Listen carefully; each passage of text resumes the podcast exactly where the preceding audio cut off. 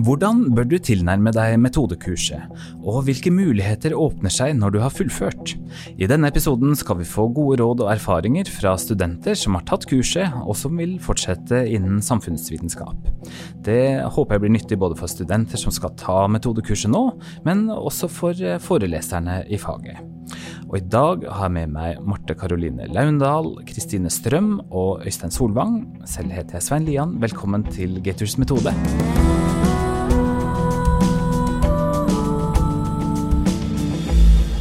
Marte, du er bachelorstudent i samfunnsplanlegging på siste året. Og Øystein, du er masterstudent i statsvitenskap og var seminarleder på metodekurset i fjor. Ja, stemmer det. Ja, Og Kristine, du er masterstudent i statsvitenskap um, sammen med Øystein, og, og, tok bachelorgraden i vår. Ja. Ja, Flott. Du Øystein, jeg har lyst til å begynne med deg, uhøflig som jeg er. Um, du, du, fikk deg en sommerjobb som vitenskapelig assistent ja. i sommer. Hva har du brukt sommeren til? Jeg har brukt eh, sommeren til bl.a. Å, å lage eh, disse to datasettene som, som har vært, vi har snakka om her tidligere. Eh, de handler om hvordan påvirkning koronapandemien har hatt på forskjellige kommuner i Norge i det ene datasettet, og forskjellige land i verden i det andre datasettet. Og hvordan har du samla inn informasjon, og hvordan har du utarbeida data, de datasettene? Datasettet er utarbeida ved å, å, gå til forskjellige kilder, hovedsakelig offentlige register og Verdensbanken, Statistisk sentralbyrå eh, og lignende, og, og, samle inn og laste ned eh, data på, på, forskjellige variabler da, derfra. Og så systematisere det og, og legge det sammen i, i, i en, en, en sammenhengende pakke. Ja.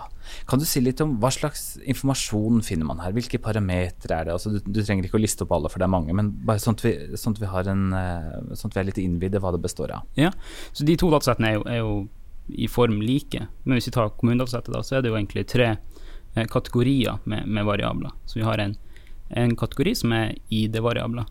De eh, forteller eh, hvilke enheter eh, dataene gjelder, hvilke kommuner de, det, det, er. Eh, hvor de hører til, i, i hvilket fylke de, de, hører til. Og, og gir også et, hver kommune et, et, unikt nummer som gjør det mulig å, å slå det sammen med, med, andre data.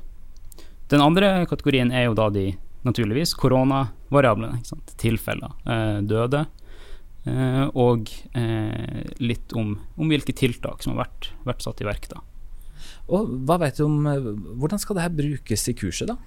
Nei, eh, det er jo eh, opp til studentene egentlig hvordan de bruker det i kurset. De, får jo selvfølgelig undervisning og oppgaver som i hvert fall delvis er lagt rundt det, men tanken her er jo også at det skal være mulig for, for de å, å, gjøre sine egne oppgaver, gjøre sine egne analyser og forhåpentligvis kunne utforske det her på, på egen hånd. Og så har du lagt ved mm, en kodebok ja. Eh, for å få hjelp til å forstå datasettet, hva som ligger bak. Har du noen tips til de som skal begi seg og hive seg over dette datasettet?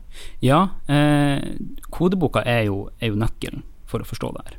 Fordi at hver variabel har et, et, et kort navn, eh, tilfeller f.eks. Men det sier jo ingenting om hvordan den er målt. Det sier jo ingenting om, om hvor dataene stammer fra, eller, eller eh, hva som er de potensielle feilkildene kanskje til, til den dataen. og Derfor er det viktig å sette seg inn i, i hva det står i kodeboken, for å, for å gi seg sjøl en forståelse for dataen.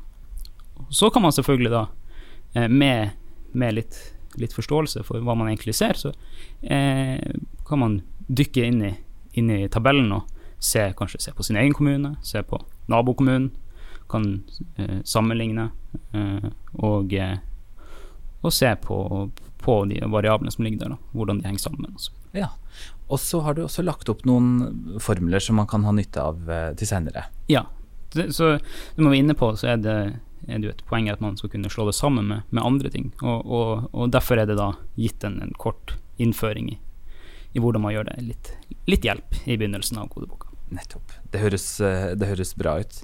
Dere, dere har jo tatt metodekurset alle tre. Hva er fordelen med å beherske metodefaget? Fordelene med å beherske metodefaget vil jeg i hvert fall i samfunnsplanlegging si at altså det handler om å forstå og se sammenhenger i samfunnet. Eh, og eh, se verden rundt seg på en annen måte enn å bare reflektere rundt det. Eh, ja. Og det er jo viktig. Uh, samtidig så har jeg ikke brukt det i en faglig sammenheng ennå. Men nå er jeg i praksis hos fylkeskommunen, og eh, allerede der merker jeg at vi bruker jo statistikk og, eh, og andre kvantitative undersøkelser for å eh, snakke om tiltak i, jeg jobber med, i samferdsel, og der skal vi ha tiltak for at folk skal gå og sykle mer. og Da er det viktig å vite hvordan de beveger seg, hvor de bor og hvor de skal. Og det får vi bare til med kvantitativ metode. Så det vil kanskje kunne gjøre deg mer attraktiv i arbeidsmarkedet, hvis du er en racer i kvantitativ metode? Ja, det tror jeg. Ja. ja, nei, for min del så handler det vel også om å eh, For jeg er helt enig med deg, eh, men også det å kunne legge frem noe, ha noe fast som du kan si jo, men se her, her har vi noe tall på det. Eh, og det er en veldig fin måte å styrke f.eks. en oppgave eh, innen samfunnsvitenskap, for ofte så kan det jo bli litt kanskje normativt, hvor det blir litt sånn mm, Ja, det er kanskje sånn det bør være. Men så kan du også se på tall, og du, de tallene kan fortelle deg ganske mye og overraske deg. Eh, og vise ting du kanskje ikke hadde forventa. Eh, og det er veldig kult da med kvantitativ metode, fordi du kan teste de forskjellige situasjonene eh, med å bruke ulike variabler. Eh, prøve å ikke bruke altfor mye fagbegreper, fordi det å fordumme det er veldig greit, det også. Eh, men du kan bruke veldig mye for å forstå andre ting som du ellers ikke ville ha sett. da. Hvordan var det for dere å, å møte metodefaget, da? Jeg syns det var vanskelig, eh, fordi det var noe helt annet. Det var noe helt nytt, en helt annen måte å tenke på. Og også ja, egentlig snakke på i med hvilke begreper man bruker, eh, på en annen måte enn de andre emnene jeg har hatt. hvor man, det er, det er kjente ord, i hvert fall, som man kanskje setter sammen på en litt annen måte. Mens nå måtte jeg jo pugge begrepene. Eh, og så tok det også lang tid før jeg skjønte hva jeg egentlig lurte på. Det var, sånn, det var veldig massivt, og så skjønte jeg ikke så masse, men så klarte jeg jo ikke å forklare hva jeg ikke skjønte heller. Eh, I hvert fall ja, i starten. Men det kom seg jo bedre etter hvert. da. Ja, For det er så mange nye termer i kvantitativ metode. Regresjon og sentralgrenseteorem og signifikans og p-verdi og jeg vet ikke hva. Um, hvordan, hva vil dere råde de som skal ta kurset nå? Hvordan, hvordan burde man lære seg de begrepene og de termene? Eh, nei, for det første så må man jo faktisk lære seg termene. Så man må sette seg ned og lese må gjerne lese mange ganger, for dette er, som, som Marte er inne på, at det er noe helt nytt. Så det kan være vanskelig først i begynnelsen å på en måte vri hodet sitt om, om materien og om de, de, ligningene som er ført opp. Men å lese det eh, eh, Kanskje man må, må pugge. Eh, og ikke minst å løse oppgaver. Det er der du virkelig får, får forståelsen. Så pugging, rett og slett, eller hard jobbing? Ja. Jobbing mer enn pugging. Ja, nettopp. Men også på en måte å se Fordi jeg husker vi fikk eh, ei bok i det metodefaget vi hadde, og jeg syns definisjonene på de begrepene var helt håpløse. Det føltes ut som jeg skulle lære meg matte på nytt. Eh, så for min del så hjalp det veldig å ikke bare søke det opp på nett, men å kanskje se YouTube-videoer, da, f.eks., av folk som brukte det her i praksis. Eh, og i stedet for å på en måte forstå eller lese akkurat definisjonen og huske den, så kanskje se hvordan det blir brukt, og hva som er formålet med det.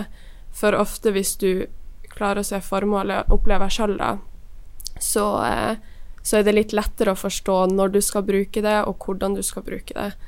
Eh, så jeg tror kanskje det var der jeg følte sjøl at det begynte å løsne litt, kanskje.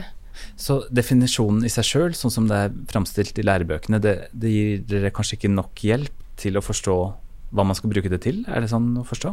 Der syns jeg det var en god presisering i å si å jobbe med det og ikke pugge med det. Mm. Hvis man pugger med det, så pugger man jo bare akkurat det som står. Men det var jo først da jeg brukte det, og jeg lærer veldig mye av å snakke og snakke. Uh, og liksom se om jeg klarer å ja, forklare det selv. Uh, og da, ja, da gikk det mye bedre. Hvem, hvem fortalte du det til, da? Noen ganger eh, meg selv, for å se om det liksom ga mening å bare si det høyt. Eh, og så eh, hjalp det veldig å finne noen på studiet som jeg var sånn cirka like god med å snakke med eh, snakke med den personen eller de personene. Eh, men også å spørre i seminartimene, hvis det var Det var også litt skummelt, da, for der er det også folk man ikke kanskje er helt trygge på fra før. Og man visste ikke helt hva man skulle bruke Hva det var viktigst at vi brukte tida på. I hvert fall når jeg ikke helt visste hva jeg egentlig lurte på i starten også. Ja, Men var det sånn at du var redd for å rekke opp hånda og avbryte en forelesning, eller? Litt fordi jeg ikke Jeg visste ikke helt hva jeg ikke forsto. Og da Da er det kjedelig å måtte bryte hele undervisninga for å liksom starte alt på nytt. Men det er jo sikkert en følelse veldig mange andre også har, da. Ja, det kan jeg se for meg. Er det mm, Jeg vil tro altså Nå har jeg ikke vært foreleser i dette emnet i det hele tatt, men jeg vil tro at det, at det kan være verdifullt for en foreleser å få en respons fra studentene om, om hva de ikke eh, forstår, da. Um, har du en oppfordring til eh, studentene der? Ja. De må stille spørsmål. Ja. Hvis ikke så går det ikke videre. Fordi foreleseren kan ikke, eller seminarlederen kan ikke vite uh, hvor de står, og da kan han eller hun heller ikke vite hva de trenger hjelp til. Så da, da går det ikke videre. Den eneste måten å, å få god, god nytte av undervisninga er å, å stille spørsmål i, i seminargruppen. Selv om salen er full av folk. Selv om salen er full av folk. Ja. Det er også bra med seminarene, at der er det ikke like mange som i forelesningene. Så der eh, gikk det også an å bryte det litt ned, eller at man satt og jobba og man kunne gå Eller foreleseren eller seminarlederen gikk rundt. Eh, og da er det jo lettere også å skjønne hva akkurat jeg ikke forstår. Eh, Få svar på det, da. Hvor, hvor mange er det på seminarene? Øystein, du har jo vært seminarleder. Det varierte veldig. Eh, vi var vel alt fra 50-50, eh, men det er vel litt annet i, i år, nettopp pga. Koronasituasjonen. Men eh, hvordan er dynamikken der, da? Det varierer helt etter hvilke, hvilke studenter, hvilke forelesere, selvfølgelig. Eh, tema og, og slikt. Og. Um, min erfaring som seminarleder var jo at jeg skulle ønske at studentene stilte mange flere spørsmål. Enkelt og greit. Det er litt sånn gjennomgående, akkurat det der. Still spørsmål. Det er nøkkel. En, en nøkkel for å forstå det her. Ja. Og da, jeg tror jeg ofte tenker at da må jeg eh, vite hvilke spørsmål jeg skal stille. Men jeg tror kanskje det også da er et clou å bare si 'dette skjønner jeg ikke helt'. Og så er det helt greit at det er helt åpent, for da vil jo også seminarlederen hjelpe deg å for, ja, forstå hva du ikke forstår. Eller sånn, da forstår du begge to det. Og så er vi i gang. Men hvor lenge varte den opplevelsen at du ikke helt forsto? I hvert fall eh, til ganske godt utpå høsten. Til jeg så mer av sammenhengene. Og det er jo kanskje en annen ting jeg syns hjalp veldig, å gå i alle seminarene og alle forelesningene.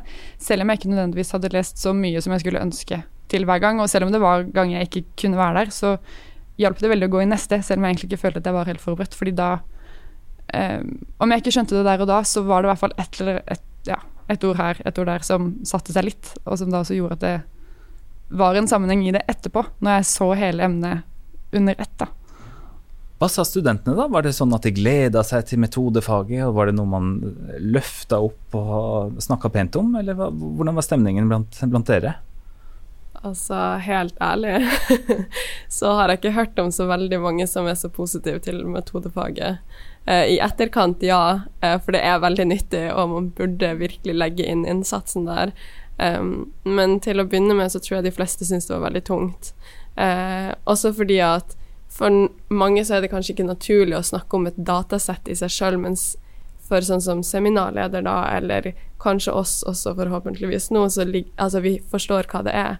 Men jeg husker når jeg kom dit, jeg skjønte ikke så veldig mye av egentlig hva vi snakka om. Uh, så jeg tror for mange så føles det ut som et tungt fag, uh, og at du er, står litt på bar bakke. Um, men det er håp. Det er det absolutt.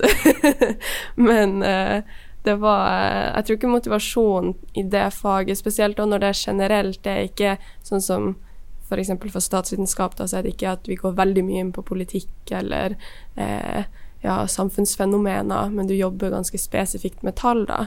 Eh, og det tror jeg kan være litt rart, at det er ikke helt det du trodde at du kanskje skulle få på studiet. Eh, veldig, veldig nyttig, men jeg tror til å begynne med så kan det virke veldig tungt. Men når du kommer litt inn i det, og du begynner å få litt grep om det, da, det er da det begynner å løsne. Men hva er deres beste råd for å komme til et punkt så raskt som mulig at man, at man får satt det i en sammenheng som gir mening? Hvordan skal man komme godt i gang?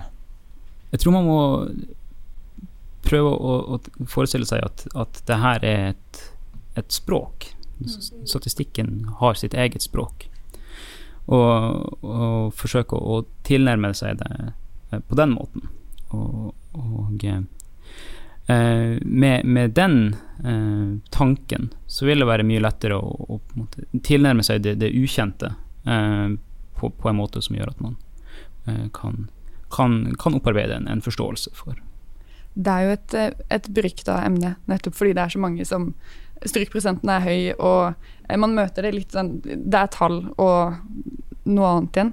Um, så ja, å se på det som bare som noe helt annet. Uh, en egen indre logikk i det emnet som er forskjellig fra de andre tingene, det, ja, det hjalp meg. Og også bare være tålmodig. Og, og, ikke tro at man skal forstå det, men bare akseptere de utfallene man får. og bare liksom, ja. Um, dere har vært litt innom det, men hvilken undervisningsform mener dere har gitt dere best utbytte? Seminar er jo veldig greit i den forstand at du får um, Du får litt tettere oppfølging, men uh, det Jeg følte at jeg knakk litt koden når jeg fikk veiledning på bachelor. Så det er kanskje det at det var da jeg også For det skulle jeg ønske at jeg gjorde annerledes på eh, når vi hadde metodefaget det var at jeg spurte mer spørsmål, og at jeg brøyt det mer ned. Så på en måte å gå så eh, Eller bryte så mye ned at jeg sier OK, hva er kvantitativ metode? OK, hva er et datasett? At du tør å stille både deg sjøl, men også andre, og ikke bare seminarleder, men de rundt deg også. Eh, for kanskje flere har forståelse av det samme, men kanskje noen forklarer det på en måte som appellerer mer til deg. Eh, og gjøre det både også med variabler, hva er egentlig det? Hva er en enhet, eh, og bryte det veldig ned. Eh, for da blir det lettere, opplevde jeg da, å bygge på de klossene, sånn at du skulle få en sånn helhetsforståelse. Ja, det gir mening. Og det henger litt sammen med det Øystein sier om at det er, at det er noe med å lære seg et nytt språk. Ja, det er det. Hvordan, i oppgavene dere har løst, eh, hvilke metoder eh, har dere brukt der? da? Har dere fått en forkjærlighet for, eh, for kvantitativ eller kvalitativ, kvalitativ, metode? Jeg har brukt begge deler i mitt, mitt arbeid. Um, og hatt, hatt, stor nytte av de, de analyseteknikkene som, som, jeg har lært i, i dette kurset og, og i det tilsvarende kurset på, på masternivå. Hvordan da? Eh, F.eks. i en, en, eksamen som jeg skrev nå, nå i vår, hvor jeg ja, faktisk eh, eh sammenligna eh, eh, effekten av, av koronapandemien eh, tvers av land. Jeg kunne jo selvfølgelig ha tatt utgangspunkt i å eh, intervjue en rekke svensker og en rekke nordmenn for å, for å samle inn data på forskjellene mellom, mellom disse to landene. men Eh, arbeidet ville vært eh, enormt mye mer omfattende og ville gitt langt dårligere resultater. I stedet kunne jeg med noen, noen enkle tastetrykk eh, laste ned og, og sammenligne data på, på, alle verdens land. altså fra databaser som allerede er tilgjengelige? Som allerede er tilgjengelige. Det finnes enorme mengder med, med informasjon tilgjengelig. Og, altså ved å bruke kvantitativ metode, hvilke muligheter gir det dere til å stille interessante forskningsspørsmål som man ikke kan gjøre med kvalitativ metode? Jeg er ikke helt der ennå at jeg har brukt eh, kvantitativ metode i noen ting på, på universitetet. Um, men jeg ser jo for meg at jeg kan være relevant til en bachelor, uten at jeg helt vet hva jeg skal skrive den om enda. Men, men, men hva, har, du, har, du, begynt å reflektere rundt hva du ønsker å skrive om, og hvordan du skal gå til verks da? Det er jo det er inspirerende å være i praksis, og der jobber vi og snakker mye om mobilitet.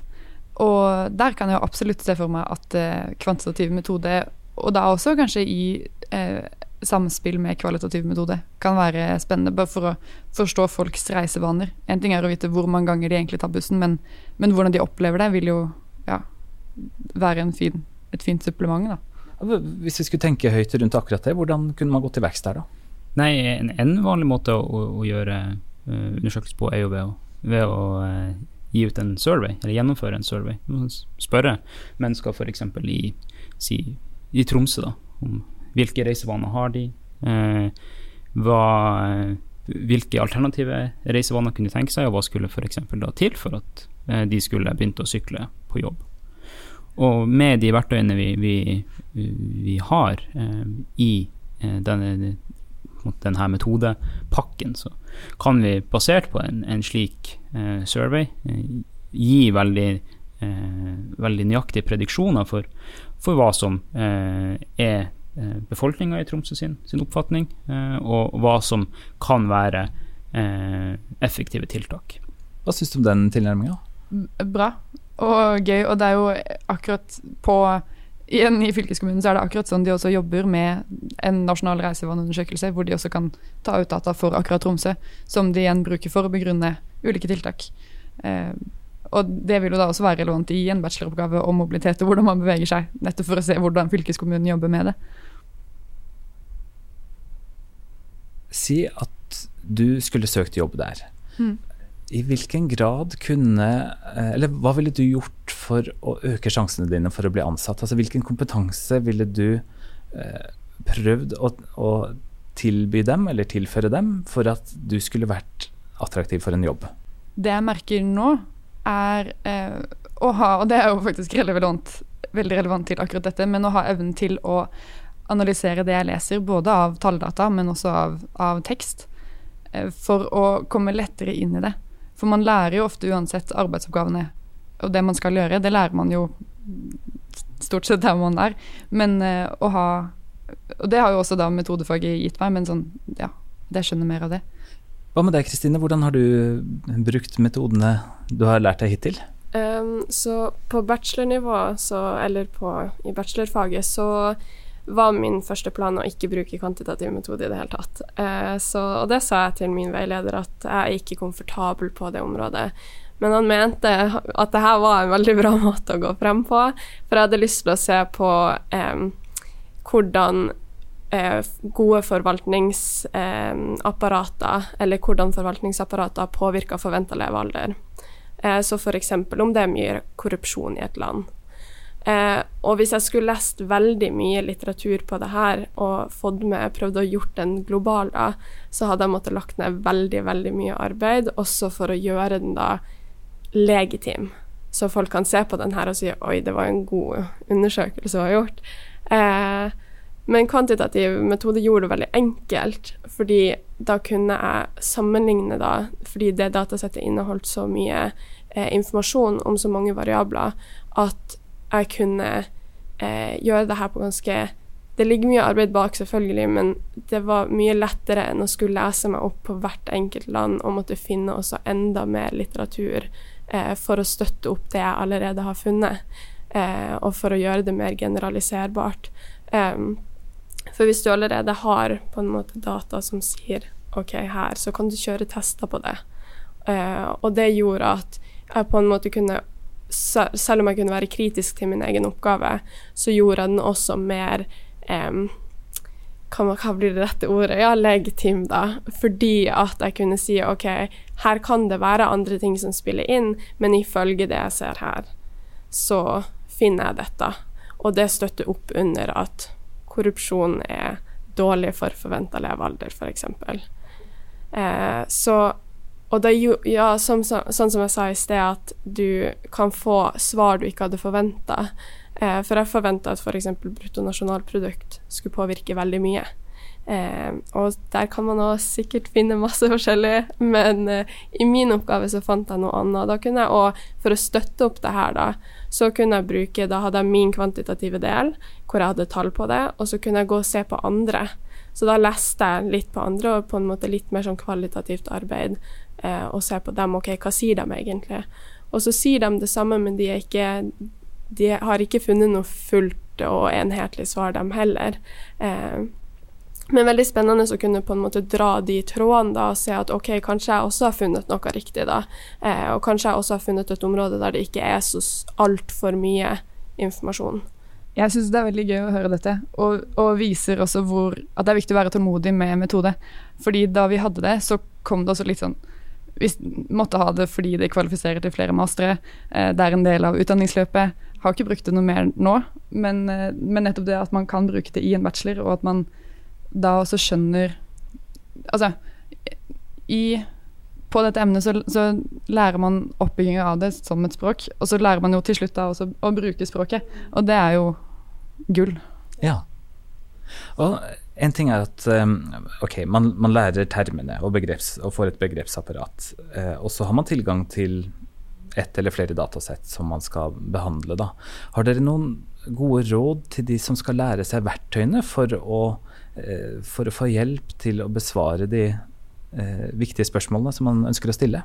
Eh, vi har selvfølgelig undervisningstilbud der, som jo er en, en gavepakke. Eh, men som Kristine også var inne på tidligere, så er det enormt mye materiale på, på internett. Så, så det her er jo et Statistikk er et språk. Det er et internasjonalt språk, som vil si at, at eh, det språket er, er, det samme i hele verden. Og Derfor finnes det også enormt mye hjelp å hente. Så hvis du, eh, hvis du driver eh, og leter etter eh, pensum på, på norske kommuners eh, organisasjon, eh, så, så, er jo tilfanget ganske begrensa. Mens eh, innenfor for, for, disse metodene så er, er, det enormt mange mennesker over hele kloden som, eh, som jobber med det, og som eh, jobber for å gjøre det eh, mulig å, å, forstå, og som legger alt det her tilgjengelig ute på internett. Og så tenker jeg, og det er litt sånn som når man skal få en ny telefon, eller du får en Nintendo, for den saks skyld. Men sånn som når du da var litt mindre, ikke sant. Du hadde ikke så høy terskel for å bare sitte og trykke deg igjennom. Du bare trykka og trykka, så til slutt så lærte du deg den. Eh, og så var det andre som spurte å, hvordan herregud, jeg skjønner ingenting av det her. Men det er fordi du har sittet og trykka. Og det samme gjelder for sånn som R-Studio. Du må bare sitte og trykke, og får du error, så greit nok, men da søker du det opp og så prøver du på nytt. Og får du det ikke til, så still spørsmål, men da har du i hvert fall prøvd. Og det er litt Det høres veldig teit ut, men det er litt fint når du har sittet der og prøvd, og du får error, og det kommer bare rødt, og du, snart er du på tur å gi opp. Og så får du til kanskje én ting som ikke engang var det du prøvde, men du får til en kommando av et eller annet slag. Og det, bare den mestringsfølelsen der er utrolig god, og det gjør at du fortsetter. Og da liksom selv om du ikke trenger å bruke akkurat den tingen da, så kan du bruke det seinere, og da har du allerede vært inne på det. Um, så jeg tror også det er veldig mye læring i å bare eh, teste det ut. Du kan ikke trykke så mye feil uansett, fordi det meste du legger inn, blir, blir der. så jeg tror det å bare trykke seg rundt, prøve å kjøre, prøve å endre litt. Eh, og så er det jo bare så små feil som at det kan være et mellomrom for mye. At liksom man virkelig sitter og ser på den, og det koster ganske mye å sitte, og du må konsentrere deg, og det er ganske tungt sånn sett. Men ved å bare trykke og prøve å taste, da du kommer deg litt lengre for hver gang. Det har jeg virkelig trua på. og det fine her er at siden det her er internasjonalt, både, både programvaren og, og disse statistiske metodene brukes over hele verden, så kan du være bombesikker på, uansett hva du gjør galt, så har han gjort det før deg. Noen har, eh, har funnet en løsning, og de har eh, lagt den eh, tilgjengelig på internett. Men er det da, er det da bare å, å, google? Det er bare å google. Hva, men hva skal jeg google? Så google R. Ja. Problemet ditt. Ja. ja. Jeg har òg tatt hva det var jeg skrev, det er ikke så lenge siden jeg gjorde det en gang. Da spurte jeg bare hva betyr denne kommandoen? Fordi jeg hadde fått fra eh, den, på, den som styrte det seminaret, da, hadde sagt liksom OK, dere skal bruke denne. Jeg bare ja, ja, ok, det kan jeg bruke. Jeg kjørte den, og det gikk helt fint. Men jeg skjønte ikke hva jeg kjørte. Så da søkte jeg bare opp OK, hva betyr f.eks. deplyr?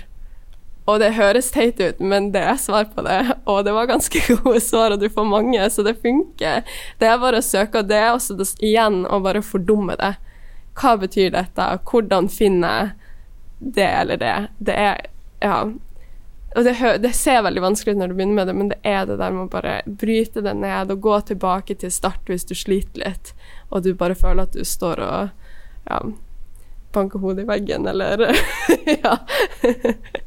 da, da, du skrev bachelor og skulle finne eh, kvantitative data på det, mm. hvordan gjorde du det? Eh, så i og med at det var Jeg baserte meg jo på land og altså en global basis. Så der er det ganske mye. Eh, så da var det Først og fremst fikk, fikk, jeg igjen veldig god hjelp av min veileder. Eh, jeg hadde òg funnet noe i forkant, så hadde jeg tenkt mye over ok, hva jeg egentlig har lyst til å se på. Og da hadde han gode forslag til ok, dette datasettet. For det ligger veldig mye informasjon eh, om de tingene man har lyst til å se på ute. Så han fant et datasett som jeg likte veldig godt, og der hadde de hva det var, 194 land og ja, 1700 variabler. og av de variablene, ikke sant, du skal ikke sitte og analysere alt det. Jeg brukte tror jeg fem variabler maks, og det var, det var nok for meg, og nok til at det føltes ut som at det her ble en god oppgave.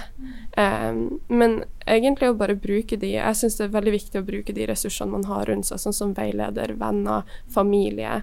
Um, for de har gjerne noen tips, og det er flere som har vært innom eh, kvantitativ metode. Jeg visste ikke Pappaen min drev med det. Han jobber med det tydeligvis. ja, og det visste ikke jeg før jeg begynte med kvantitativ metode, så det er litt det der å bare spørre rundt seg. Um, også kollegaer på jobb, f.eks. Det er veldig, veldig mange som har vært innom det på et eller annet tidspunkt, og kanskje har et tips til et datasett, eller ja. Men for min del så var det veileder som eh, fant et bra datasett som jeg likte, da. Vi må tørre å snakke om kvantitativ metode. Ja, ja. det er sånn tabu. dere, er det andre råd som, eh, som, dere ønsker å gi eh, de håpefulle studentene som skal uh, ut og lære seg faget nå? Ikke gi opp. Det er enklere enn du tror. Og det blir å gi deg så utrolig mye hvis du bare lærer deg litt. Det er ikke meninga at du skal forstå alt, og i hvert fall ikke med en gang. Men bare ikke gi opp, fordi det blir å gagne deg både på, når du skriver bachelor, ellers når du leser bare en avisartikkel, eller ja, når du ser en eller annen studie. Eh, og så blir det å ta det med deg hvis du har lyst til å gå videre på master. Det kommer igjen. Så det er bare å ta tak nå, og så legge inn litt mer ressurser, eh, og ta initiativ sjøl til å finne ja, informasjon og hjelp. Om det er via internett eller en venn eller en seminarleder, så Også å, å møte opp, og om ikke eh, Det er lett å si gå på alle forelesningene, men gå i hvert fall på neste, tenker jeg er en god, en god ting. Eh, og, og, snakke Stille spørsmål, uansett hvilk, hvor konkret det er, eller om du vet hva du skal spørre om eller ikke. Eh, men også og eh, Vi hadde innspilling av noen av eh, forelesningene som det hjalp veldig for meg å sitte og se på etterpå. og Da var det, det var flere ganger jeg hørte bare akkurat samme setning sikkert 15 ganger. og, så, og, så, skjønte jeg på en måte litt av hva han sa, og så fant jeg det litt i boka. Og så var vi en gjeng som satt og snakka om det, og så gikk det opp et lys, og da forsto vi plutselig hele forelesninga. Bare på grunn av, fordi vi kunne høre den ene setninga så mange ganger. Hvor, hvor ligger det tilgjengelig, den type opptak? Det vil studentene finne i, i Canvas. Uh, på til, til, på fagets eh, side der. Veldig bra. Øystein Solvang, Marte Karoline Laundal og Kristine Strøm, tusen takk for at dere var med i Gators metode. Takk. takk.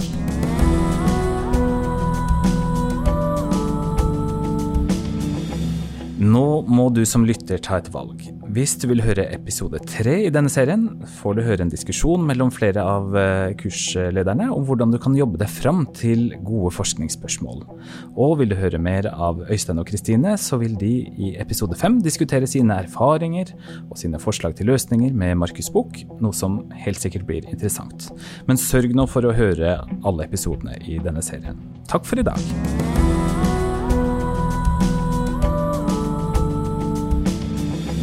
Gaters metode er produsert for Institutt for samfunnsvitenskap ved Universitetet i Tromsø, Norges arktiske universitet, av Prosit Production i samarbeid med 1-til-1 Media.